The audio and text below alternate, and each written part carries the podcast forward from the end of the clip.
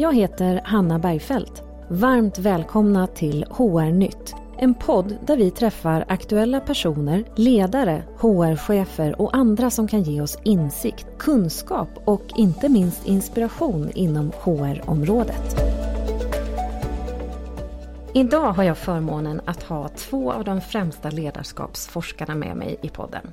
Simon Elnäs och Stefan Söderfjell som på varsitt håll har studerat ledarskapets beståndsdelar. Både Stefan och Simon har skrivit uppskattade böcker och föreläst på temat ledarskap. Känner ni inte till Stefan Söderfjell och Simon Elnäs så är min varma rekommendation att läsa på om dem och ta del av det som de har publicerat. Men den stora nyheten idag, det är att de släpper en gemensam bok Kära ledarskap. Därför är jag extra glad att ni är här för att berätta om vad den här boken handlar om. Så varmt välkomna Stefan och Simon. Tackar. Tack. Stefan, du har ju varit med i ett poddavsnitt tidigare, men idag är du med på länk. Är du i ett vintrigare Umeå eller var, var befinner du dig idag?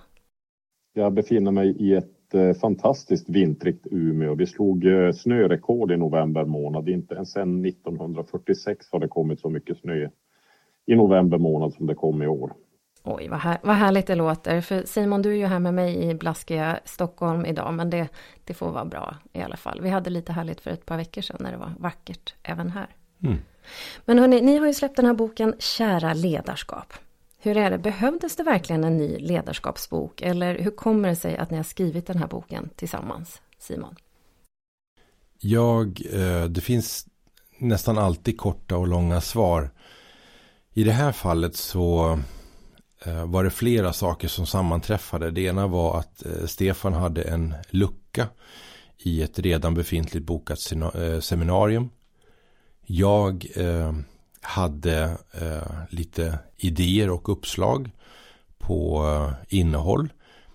Och samtidigt så var det en situation i Sverige där ehm, eh, grupper av forskare eh, inte jobbade enhetligt och eh, tydligt riktat för, för eh, praktiker eller chefer. Utan det var, det var lite grann av en, en schism och, och ett sånt här, en ordväxling som, som skapade snarare motsättningar och eh, ja, lite förvirring i begreppen kring ledarskap. Så, så ja, när jag och Stefan pratade ihop oss så sa vi det att eh, det är så tråkigt att det svänger. Det svänger i ledarskapet, i trender, det svänger i, i ord och epitet, det, det svänger i, i budskapet eh, som forskningen då ska, ska lugnt och tryggt stå och kommunicera ut. Vad är ledarskap? Hur görs ledarskap? Och vad behöver eh, arbetslivet i form av ledarskap? Och då kände vi det att här, här finns det ett, ett eh, ett behov eh, otillgodosett och det finns eh, ett budskap som behöver förtydligas. Och då sa vi att det, det är tråkigt att det svänger i trender när ledarskap i sig är ett så fast över tiden likformat hållbart eh, budskap. Eh, ledarskap är vad det alltid har varit och alltid kommer att vara Eh, så varför, varför utsätter vi oss för den här eh, svängningen och eh, Eh, påverkan när det i grund och botten alltid handlar om samma saker? Fantastiskt, tycker jag, som, som har följt er och läst det ni har skrivit och eh, ni är ju mina favoriter på varsitt håll. Så nu att ni har slagit er ihop är ju underbart. Men, men Stefan, vad är ledarskap då enligt er? Ja, eh, jag skulle vilja backa bandet faktiskt till eh, ett litteraturseminarium som jag hade förmånen, eller vid tillfället var det kanske, upplevde jag inte det som en förmån, men, men i efterhand så har jag insett att det var en förmån som jag höll hösten 1997 tror jag det här var på psykologprogrammet eh, där jag skulle leda ett seminarium för en grupp studenter som hade läst en artikel som hette How can we train leaders if we don't know what leadership is? Och ehm, eh, artikeln var eh, författad av, tror jag, en filosof eh, och det var ett, eh, ett ganska svårt avancerat filosofiskt resonemang kring vad den här företeelsen egentligen består i. Eh, jag minns inte så mycket om själva artikeln, men själva titeln har suttit kvar. Eh, och jag tycker att det är en högst adekvat fråga faktiskt om vi ska ägna oerhört mycket tid, energi, resurser eh, åt någonting som vi tycker oss veta vad det är och som vi tycker oss Eh, ha en anledning att säga är viktigt i en organisation att faktiskt stanna upp och fundera vad är då det här som vi lägger allt detta fokus på. Eh, och när man då börjar skrapa på ytan och fråga människor om vad ledarskap är så upptäcker man att, ganska snabbt att eh, trots att vi tycker oss vara väldigt klara över vad det är så, så har vi olika uppfattningar i stor eller liten utsträckning. Men tittar man i den vetenskapliga litteraturen kring begreppet ledarskap så ser man att det finns ju ett antal gemensamma nämnare i alla fall. Och, eh, först och främst så, så, bör man ha klart för sig att det handlar om påverkan. Att, att, eh, att eh, någon påverkar någon annan, social påverkan till att göra någonting. Och social påverkan, det äger ju rum, rum så fort vi befinner oss i samma rum som andra människor. Eh, så att eh, all social påverkan är med andra ord inte ledarskap, utan för att någonting ska betraktas som ledarskap så behöver den här sociala påverkan äga rum i ett avgränsat socialt sammanhang där det finns mer eller mindre tydliga eh, förväntningar avseende vad det är som det här sociala sammanhanget. Det kan vara en, en arbetsgrupp, ett klassrum, besättningen på ett flygplan, ett fotbollslag etc. Eh, vad den här sociala gruppen ska göra och åstadkomma för någonting. Och eh, när eh, individer då påverkar varandra till att faktiskt göra det som de ska göra för att hjälpa grupperingen att nå sina mål. Att vinna fotbollsmatcher, lära sig nya kunskaper i klassrummet, ta flygplanet över Atlanten etc. Eh, den påverkan som där äger rum, det är den som går under namnet ledarskap, det vill säga eh, påverkan mot ett för verksamheten önskvärt mål eller uppdrag. Fantastiskt. Eh, och då tänker jag så här, vad är det som gör att det finns så otroligt många olika ledarskapsmodeller och tillika böcker och, och kanske lite trender inom ledarskap? Var kommer allt det ifrån Simon? Um, det... Ja, det här blir en, en, en fantastiskt kul och, och långdragen fråga om man skulle så vilja. Men det det ena är att många människor på planeten tycker det är kul att skriva böcker och då, då söker de ju underlag för böcker. Och du kan ju inte skriva samma bok som någon annan så då, då lägger man till lite grann och vinklar lite grann så att det känns som något nytt även om innehållet i, i grunden i sina rötter utgår från samma gamla.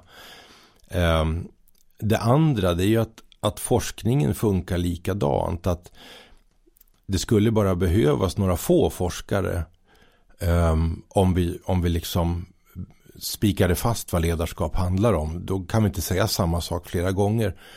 Och då finns det de som har någon form av behov då av för sin egen existensberättigande, för att söka nya forskningsmedel och för att komma åt de här medlen då som, som eh, annonseras ut eh, från, från ledande styrande personer och instanser så måste man hävda att det uppstår nya behov.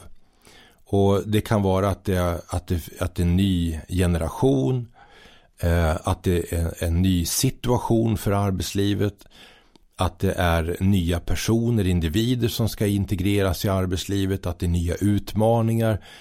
Och här, här vill man då göra någonting stort och sensationellt av eh, globalisering, eh, digitalisering, eh, hybrida arbetsplatser eh, som, som tog väldigt mycket fart efter pandemin. Eh, och, och det eh, är eh, aktivitetsbaserade arbetsplatser, det är öppna kontorslandskap, eh, det är eh, ett högre tempo, det är mindre resurser, eh, det är ökade pensionsavgångar och det, det, allt det där går ju liksom att, att baka ihop så som det kommuniceras. Att det är inte med lång planerad framförhållning det sker. Utan det är sådär lite alarmism i det på något sätt. Att det är väldigt akut, det är väldigt bråttom, det är väldigt viktigt, vi är ute alldeles för sent och snart går det åt skogen. Men här, här kommer räddningen och så har man då använt ordet ledarskap med någon form av epitet framför eller bakom. Att nu behövs det, det, det ja, nu, nu behövs det situationsbaserade ledarskapet eller nu behövs det agila ledarskapet. Nej, nu behövs det inlyssnande ledarskapet. Nej, vi måste ha mer resultatorienterat ledarskap. Nej, vi måste ha ett mer samordnande, samskapande ledarskap.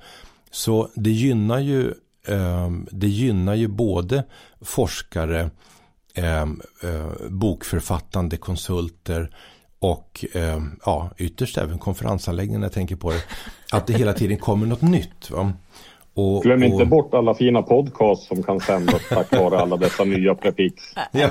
Eller hur? Jag tänker dels den här podden men jag tänker även min egen roll som HR-konsult. Jag, jag kan ju faktiskt få utveckla många ledare i, i samma takt som nya eh, fenomen eh, inträffar. Men, men eh, jag fattar, det finns hur mycket som helst och eh, vad är det ni har tagit fasta på då? Vad är det som ingår i era bok? Stefan? Ja, eh, man kan väl säga att det vi har försökt eh, är att eh, klä av ledarskapet från alla tjusiga tilläggsord och prefix. Eh, och börja med att försöka bryta ner det i sin mest grundläggande eh, nakenhet om man då så säger. Och Eh, namnet kära ledarskap eh, kommer ju egentligen av att Eh, vi tycker att ledarskap som sådant utan alla dessa fina ord eh, är tillräckligt viktigt, tillräckligt fint, tillräckligt eh, beforskat, tillräckligt intressant, nyfiket, aktuellt för att kunna fungera som det är utan att vi håller på att sminka det. Och vårt sätt att försöka förklara det här då är att bryta ner det i de viktigaste beståndsdelarna.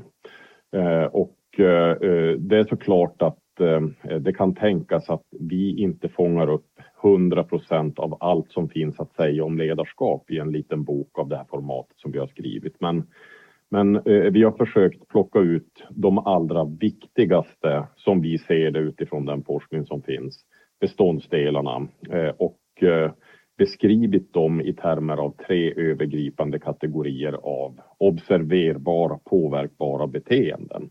Att tydliggöra, att följa upp och att återkoppla.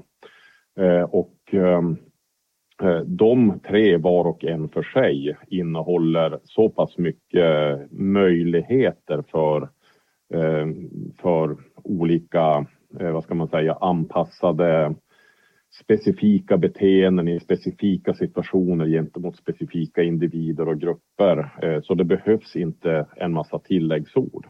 Dessutom så om man tittar på alla de här tilläggsorden som, som existerar så, så går de allra flesta utav dem mycket väl att beskriva eh, endast med utgångspunkt i de här tre kategorierna av beteenden.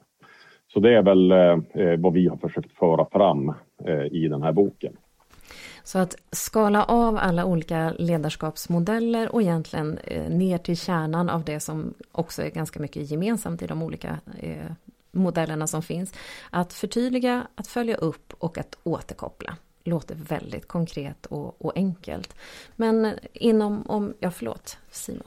Jag, jag, jag, tänker på en sak kring det där att det, ett, ett återkommande tema i min och Stefans samtal har också varit det här att, att människor har jag vet inte om det har att göra med en, en otillräcklighet eller det här att man ska vara, vara väldigt duktig på saker. Men det finns någon förkärlek i människans natur att ständigt leta nytt. Att ständigt göra mer. Um, och, och vi vill ju då med den här boken och budskapet lugna eller som vi säger mana till sans. Att leta inte efter något nytt innan du har satt grunden ordentligt. Så jag tänker också att, att kring det som Stefan säger nu, i det som utgör kärnan i, i, i kära ledarskap, så säger vi då att gå inte vidare förrän du är klar med det här steget. Och det är någonting som jag och Stefan också delar erfarenhet av. Att, att man är hellre liksom på nästa steg och längre fram och letar efter nytt ständigt hellre än att man stannar upp och blir helt klar. Så jag, jag tänker också att ett, ett stort budskap med boken handlar om att stå där du står, bli klar med det du gör innan du tar nya steg och letar efter nytt. Jättebra och jag tänkte när jag läste boken att det kändes väldigt tryggt och lite skönt att få bekräftelse på att det är de här tre stegen som ändå är någon form av gemensam grund. Och som du säger Simon, att stå, stå kvar innan man går vidare är ju jätteviktigt samtidigt som jag reflekterar över att det är ju tre ganska komplexa områden så det är nog svårt att bli helt perfekt fullärd på vart och ett av dem. Man, man skulle nog kunna stå kvar där ganska länge. I alla fall om jag tittar på mig själv. Mm. Håller du med? Ja, jag, jag, håller, jag håller med. Um, och det, det jag uppmanar de människor att, att tänka till på just bara för att få en känsla för vilken, uh, vilken tid vi lever i just nu och vad som är modernt så, så handlar ju väldigt mycket om stegräknare, eh, antal missade telefonsamtal och hur full kalendern kan bli där vi nu har det liksom eh, att det är en ny norm att dubbelbokning och trippelbokning är det nya normala. Så i alla, alla lägen eller alla delar av livet så handlar det om att mäta mängd och antal. Eh, och det är det som vi hoppas att den här boken då kan, kan svara upp emot. Att det handlar inte om mängd och antal utan det handlar om att sätta en grund som tråkigt nog bara består av tre delar. Men det går att fila på de tre delarna i sina färdigheter i all oändlighet. Och vi tycker, jag vet att det är tråkigt, men vi tycker verkligen eh, ärligt och underbyggt i det här fallet att det räcker så väl. Jag håller med. Så att de här tre delarna, förtydliga, uppföljning och återkoppling. Om vi skulle börja med förtydliga, vad är det vanligaste misstaget ledare gör inom det området, Stefan? Eh, jag skulle nog säga att eh, det vanligaste misstaget är eh, att man antar att det som är tydligt för en själv också är tydligt för andra. Det finns ett Eh, begrepp inom socialpsykologisk forskning som kallas för falsk konsensus eller false consensus effekt. Eh, vilket då eh, avser våran eh, övertro på att vår egen uppfattning om någonting är norm eller normalt. Det vill säga att så som jag uppfattar saker och ting så uppfattar även andra saker. Och eh, eh, det medför då att Eh, om jag möter en grupp medarbetare och samtalar om eh, någonting i vårt jobb som eh, eh ska göras eh, och eh, jag kanske förmedlar till någon att den personen ska göra det här på ett visst sätt i en viss tid så tar jag i allt för stor utsträckning för givet att personen som har tagit emot det här budskapet förstår budskapet på samma sätt som jag hade för avsikt att budskapet skulle förstås. Eh, och eftersom vi lider av den här falska konsensusen så, eh, så hamnar vi då i ett litet dubbelt dilemma för att eh, eftersom jag tror att du redan förstår vad jag vill ha sagt så behöver jag ju då inte fråga dig om du förstår vad jag har velat sagt. Så det innebär att jag helt enkelt inte frågar dig. Vad har du tagit med dig av det som jag just har sagt? Så vi skiljs åt och jag går ifrån vårt möte i tron om att jag har varit tydlig. Eh, du lämnar mötet med någon form av idé eller tolkning kring vad som har förmedlats. Men det finns en stor och uppenbar risk att vi har sam olika, olika tolkning av vad som faktiskt har förmedlats. Så det skulle jag säga är det enskilt vanligaste misstaget. Mm. Simon, vad säger du? Um, det, fin det, finns flera delar i det svaret också. Det, det ena kommer från motivationsforskning där det finns en både dansk, amerikansk och norsk eh, som delvis har bidragit eh, och där man då landar i, i uttrycket att, att det vi själva har fått formulera och komma på det både betyder mer för oss, motiverar oss mer och är tydligare för oss. Så det är också en fråga när man ska skapa tydlighet var ska tydligheten komma ifrån?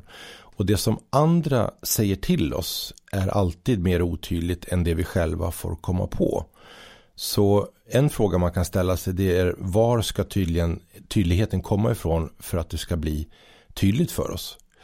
Um, en, ett, en annan synpunkt eller vinkel in är en avhandling från Göteborgs universitet med John Nylander som har att göra med i vilken, tids, eh, i vilken tid som ledare och medarbetare vistas. Där ledare tillskrivs att vistas i, från tiden nu och framåt. Och medarbetare uppges vistas i tiden nu och bakåt. Så till ett och samma möte kommer ledare och medarbetare. Där ledare kommer till mötet eller går till mötet med en uppgift att prata om var står vi och vart ska vi. Och till samma möte kommer medarbetarna med en upplevelse. Det här har vi gjort. Vi ska se var vi är nu. Så medarbetare har ju, har ju ett behov av att prata om det arbete de har utfört. Och ledare har ett behov av att prata om det som, arbete som ska utföras. Och tydlighet handlar ju också då om att dela vardag. Det vill säga att, att, att vistas i samma tid. Eh, och dessutom att kunna möta varandras behov. Så jag tänker det ena handlar om var tydligheten kommer ifrån och det handlar, handlar om också då när tydligheten ska uppstå.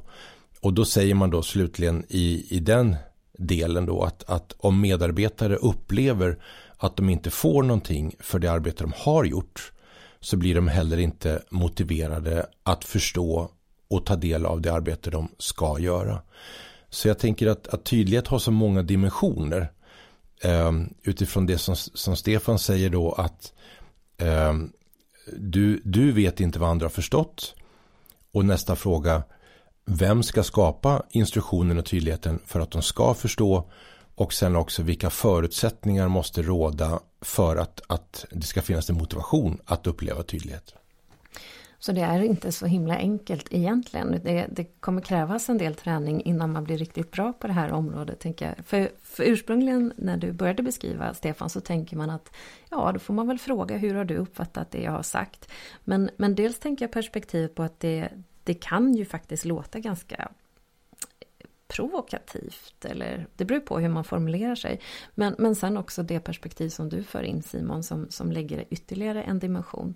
Men, men eh, Stefan, hur ska man göra då om man vill förtydliga och vara en tydlig ledare på, på bästa sätt? Ehm, eh, jag, jag skulle vilja lägga till en ytterligare sak i det här och eh, den, den för in mig på att svara på din eh, fråga egentligen. Men Eh, Eh, en ytterligare sak är ju eh, av rent kommunikativ karaktär, att vi människor är olika förmögna att förmedla ett budskap så att det går att förstå för andra människor. Eh, jag skulle gissa att det har med någon form av metakognitiv förmåga att göra, att samtidigt som jag producerar ord som flödar ut ur min mun och bildar meningar och som då landar hos en mottagare så har olika människor som producerar de här orden eh, olika god förmåga att sätta sig i mottagarens eh, eh, stol så att säga och samtidigt som man själv producerar ord höra om de här hänger samman, om det finns en röd tråd, om det är en, en koherent berättelse och så vidare.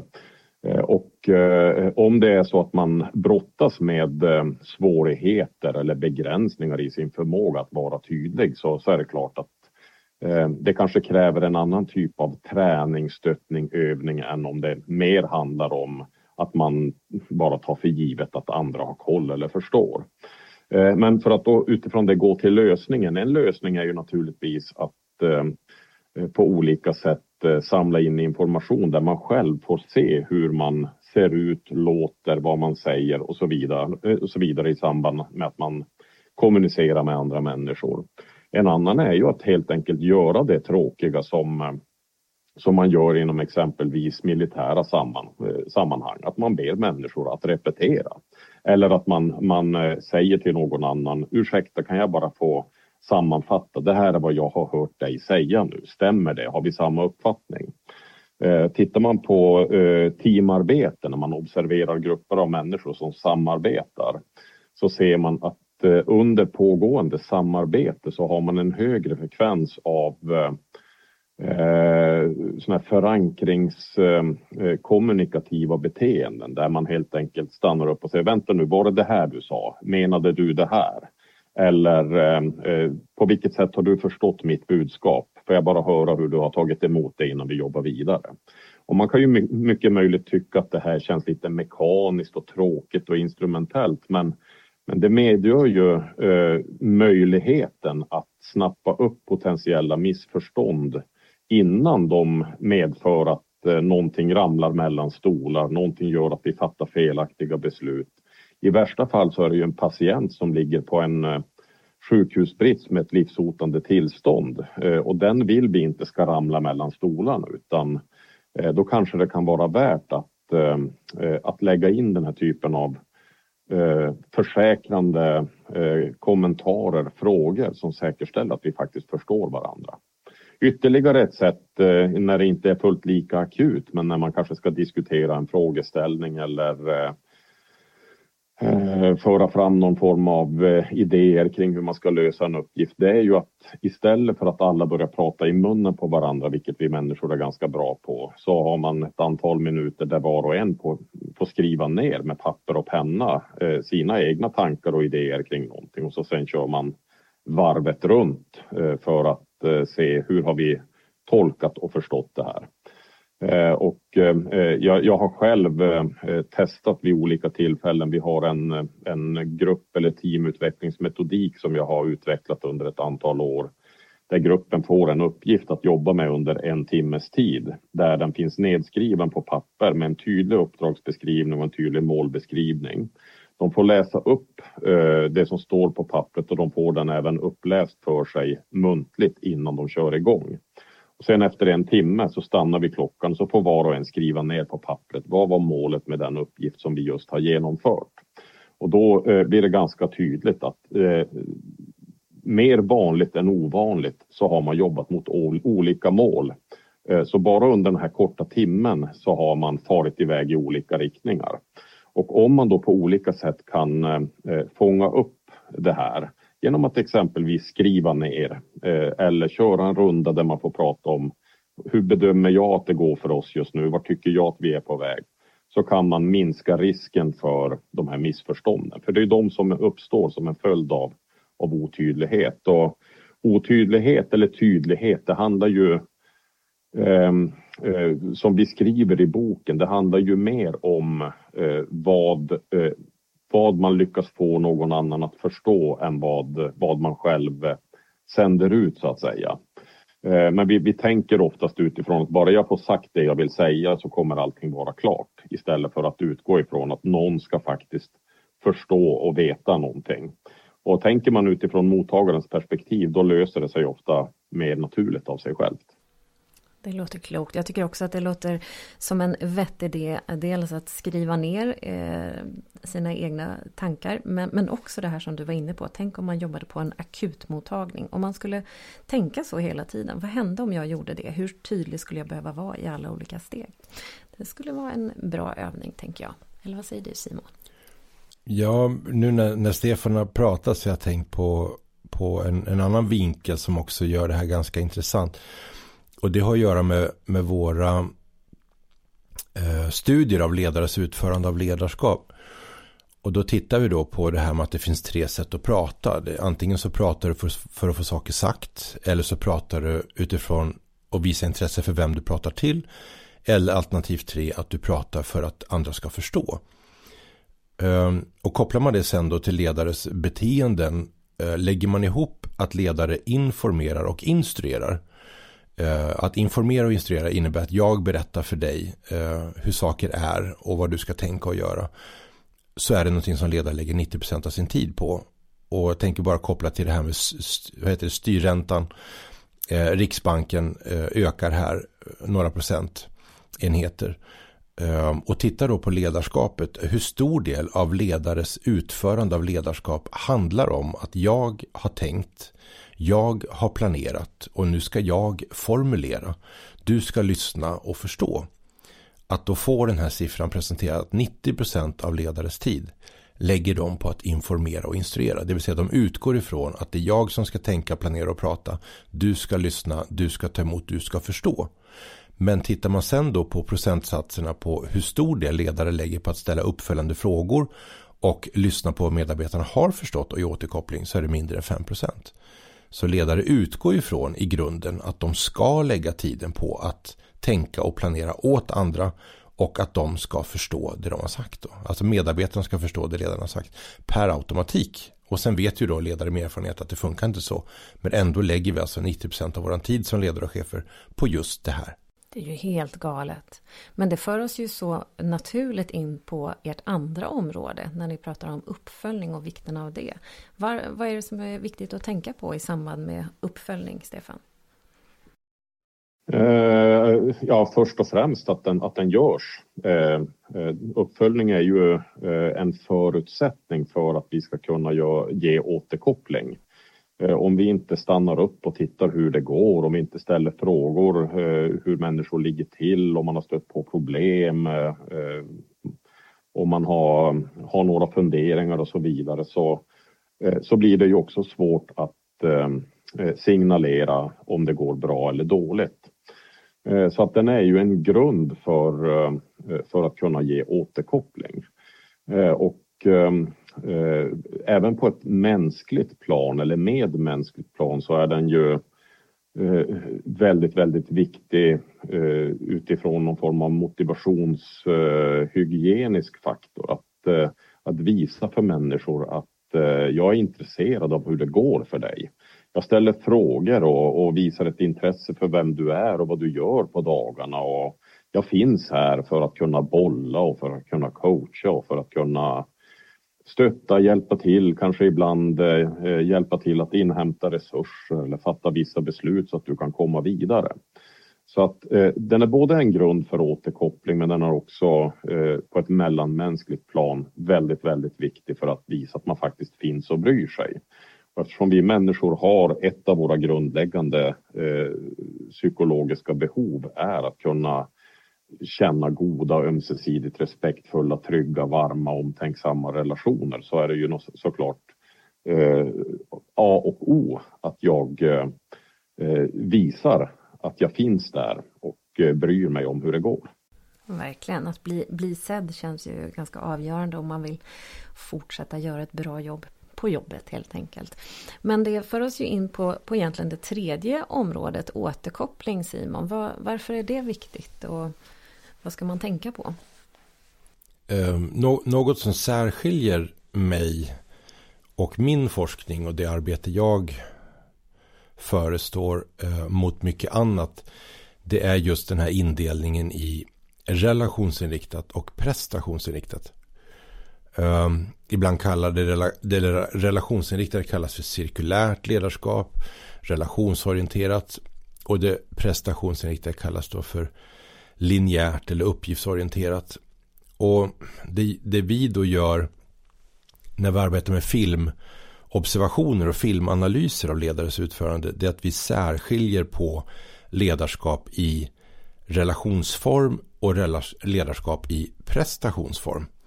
Och ledarskap i relationsform det är då när man pratar om hur saker är, hur vi har det, hur det går, hur vi ligger till, rullar på, inga konstigheter, vad vi tänker, tycker, upplever, känner och förstår. Det prestationsinriktade det är otroligt mycket enklare för det handlar bara om vad har du gjort, vad gör du och ska du göra. Så i det så ser vi då att väldigt mycket ehm, uppföljning men även tydlighet, tydliggörande men, men framförallt uppföljningen sker i är-form. Det vill säga hur är det? Hur har ni det? Hur ligger vi till? När ledare frågar medarbetare det och medarbetare svarar eh, vi ligger bra till, det är bra, eh, det rullar på, inga konstigheter, det ser bra ut. Då vill ledare ge återkoppling på det och säger man då som ledare vad bra att det ser bra ut. Då har liksom återkopplingen ingen effekt. För effekten ligger i att få återkoppling på sin prestation. För det är bara när, när prestationen blir synliggjord, det vill säga vad var det, vem gjorde, på vilket sätt, Ehm, och då säger man då att tydlighet ska innehålla vem ska göra vad, när, hur och varför. Och då ska också uppföljningen handla om det. Det vill säga ställa uppföljande frågor både om situationen, personen och prestationen. Vem gjorde vad, när, hur och varför. Och då måste återkopplingen följa precis samma stil. För om jag frågar dig hur är det? Du svarar bra och jag säger vad fint. Då skapas inget lärande och ingen utveckling av hur du gör ditt arbete. Det skapas bara en avstämning av att det känns bra, du tycker det känns bra och jag tycker att det är bra att det känns bra. Och det är sån här relationsbaserad uppföljning och relationsbaserad återkoppling. Och det är inte det som är grunden för lärande och utveckling. Så i mitt fall då, och det, det jag förestår och trycker på, eh, det är just att både uppföljning och återkoppling och tydliggörande behöver ta avstamp i en prestation. För om du inte synliggör det som har gjorts och inte återkopplar på det som har gjorts och inte tydliggör vad som ska göras. Då blir arbetslivet någon form av läge.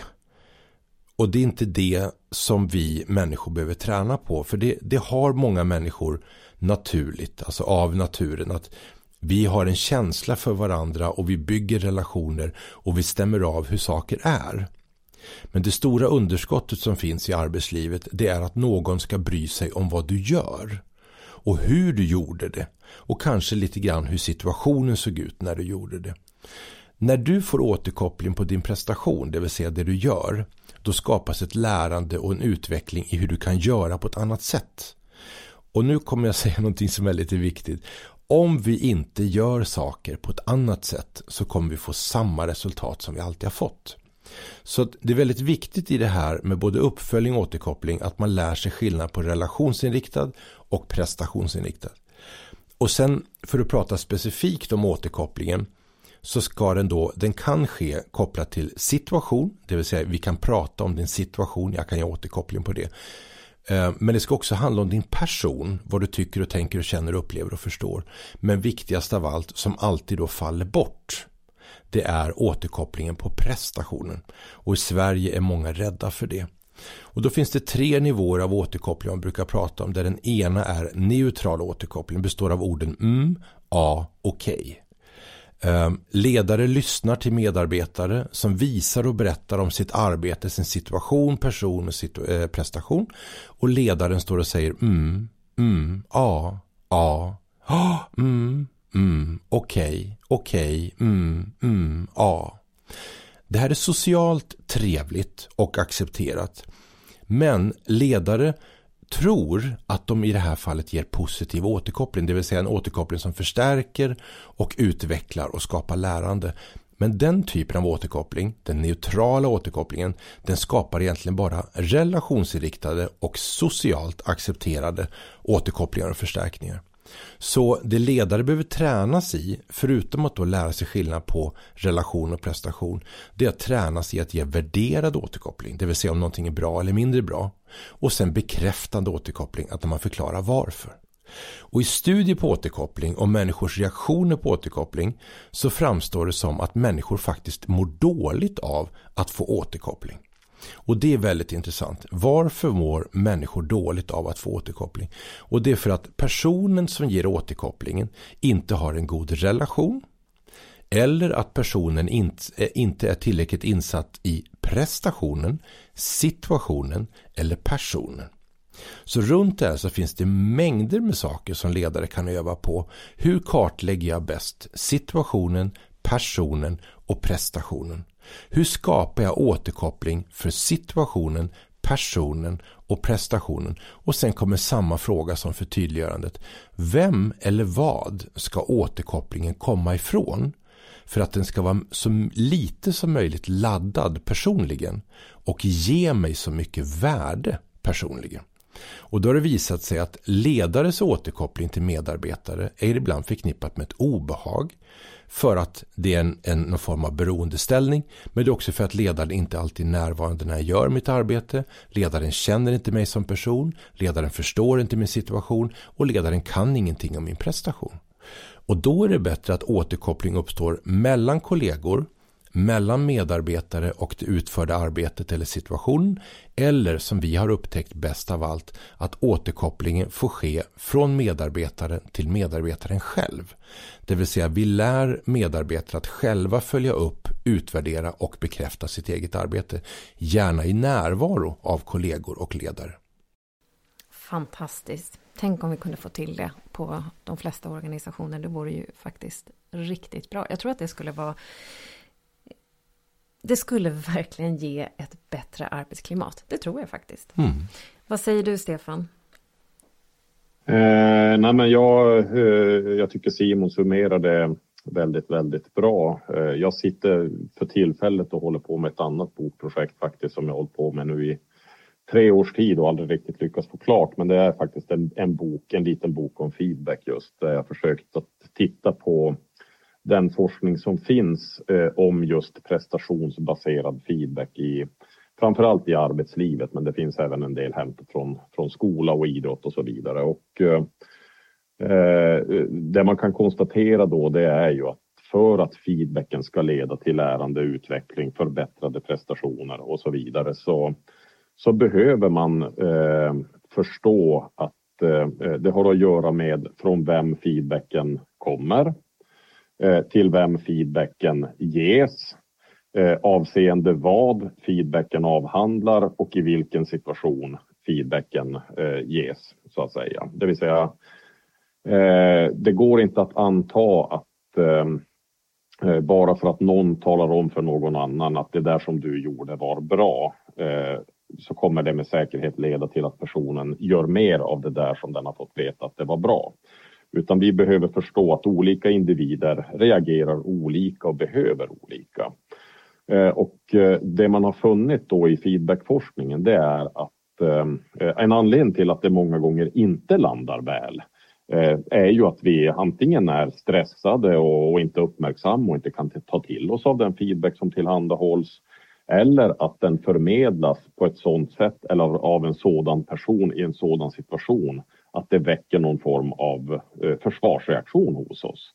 Det vill säga vi börjar komma med ursäkter eller vi går till motangrepp eller liknande.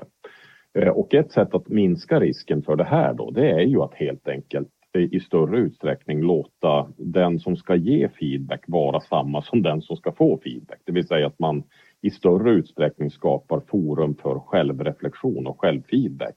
Gärna tillsammans med andra individer. Eh, för då blir det betydligt mindre hotfullt. Eh, och eh, ett alldeles ypperligt exempel på en struktur för detta är ju after action reviews som jag många gånger har pläderat i både föreläsningar, utbildningar och böcker. Som i, sitt ursprung är en metodik sprungen ur, ur militära sammanhang men de sista 15-20 åren så har det fullständigt exploderat forskning från, eh, från allehanda olika typer av verksamheter och det är ju då helt enkelt en en form av självreflektion där man eh, reflekterar kring vad var det jag ville göra och åstadkomma eh, under det här mötet eller projektet. Vad var det faktiska utfallet? Vad var det jag faktiskt gjorde som gick bra? Vad var det faktiskt jag gjorde som gick mindre bra? Och möjligen kan man då be om andras återkoppling när man själv har identifierat någonting som man vill utveckla eller förbättra, men då är snarare i form av tips. Att jag skulle vilja bli lite bättre på att göra det här. Kan du ge mig något tips eller hur brukar du lösa det här Hanna? Så att man istället för att ge feedback eller återkoppling snarare ger eh, uppslag, idéer, förslag på vad man kan göra framgent. Eh, som en förfrågan på att någon har bett om, om tips och idéer. Eh, och forskningen visar att eh, sådana här after action reviews när man studerar dem i arbetsgrupper eh, och effekten verkar vara lika god på individnivå. I genomsnitt ligger någonstans mellan 20 till upp till 40 procent i förbättrat samarbete i grupper och förbättrade individuella prestationer. Det vill säga det är, inte, det är inte frågan om någon liten effekt av att skapa en bra struktur för självreflektion och självåterkoppling. Nej, fantastiskt. Jag, jag har verkligen eh, försökt få in det i de organisationer jag har jobbat med och det ger so, eh, stor effekt, verkligen. Simon, vad, har du något tillägg på, på området återkoppling? Det såg ut som att du funderade lite. Ja, jag kom på två saker som jag tycker kan vara av vikt. det ena är ju en, en av mina handledare, eh, Judith Komaki, har ju själv gjort studier där man har provat att ge återkoppling utan att knyta återkopplingen till ursprunglig instruktion.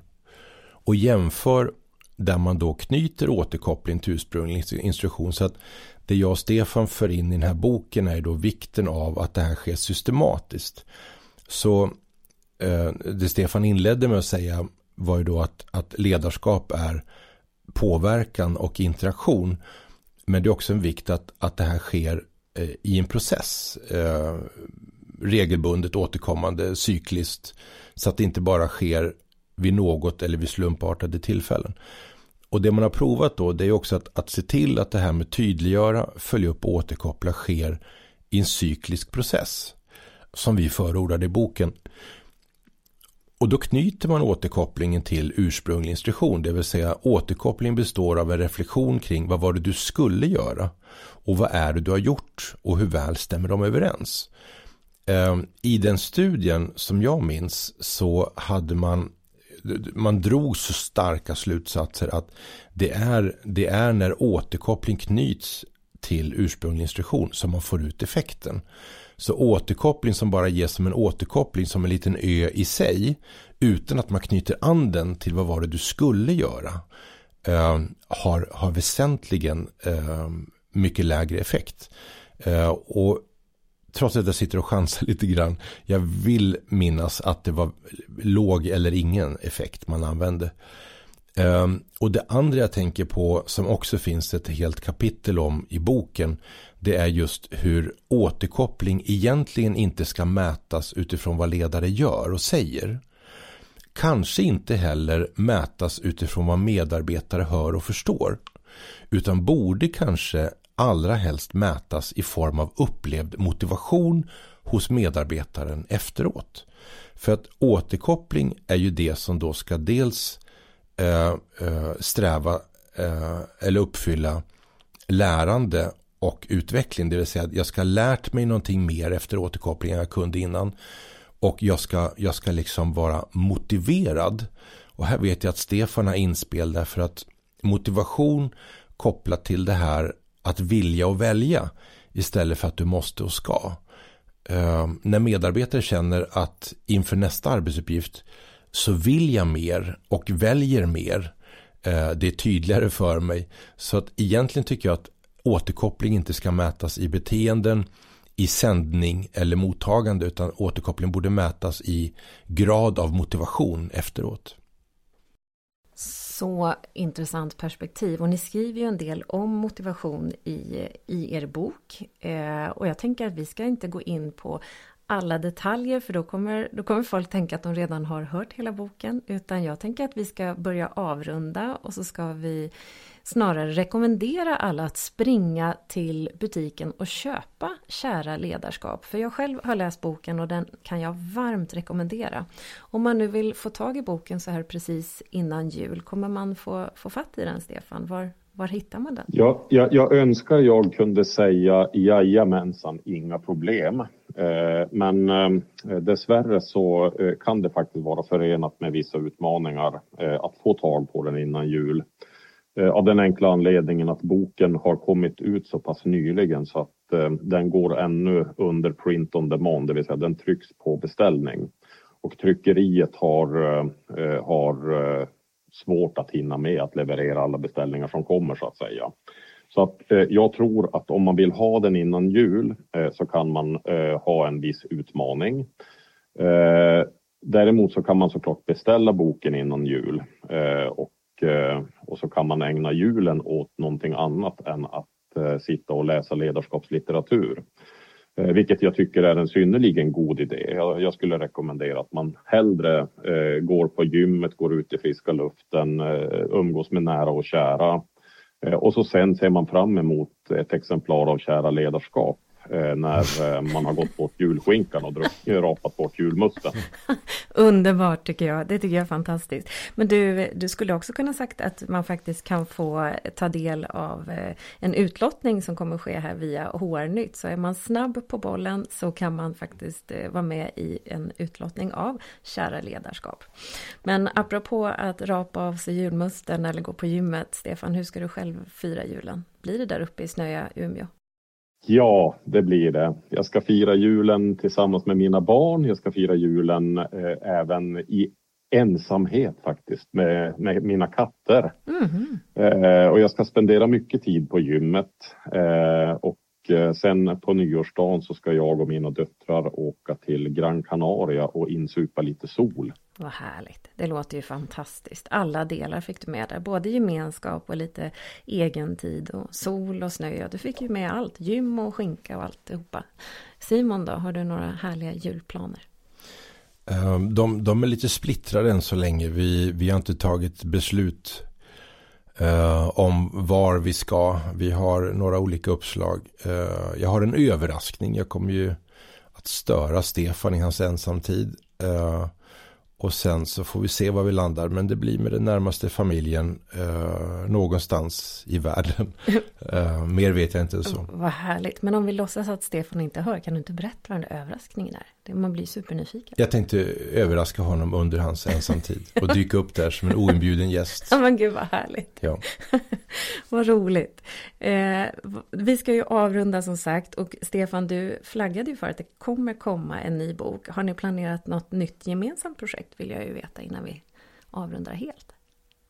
Det... Ska jag svara? Ja, men ni ser ju så luriga ut bägge två, så du får, du får svara då, Stefan. Ja, men vi, eh, vi, har, eh, vi har planer på att eh, göra ett projekt till och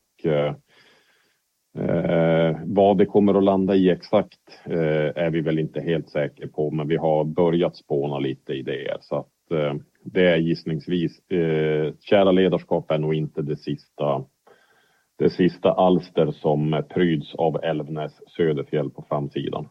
Vad härligt det låter, det ser vi fram emot. Och eh, Simon, du och jag sågs ju för ett par veckor sedan och spelade in ett poddavsnitt och det är inte släppt ännu, så de som vill höra mer på dig, de har möjlighet att göra det inom kort. Och Stefan, jag hoppas att du kommer tillbaka också och, och pratar lite mer. Så gärna. Ja, men vad härligt. Hörrni, tusen tack för att ni kom hit och eh, god jul så länge. Tack detsamma. God jul, Hanna.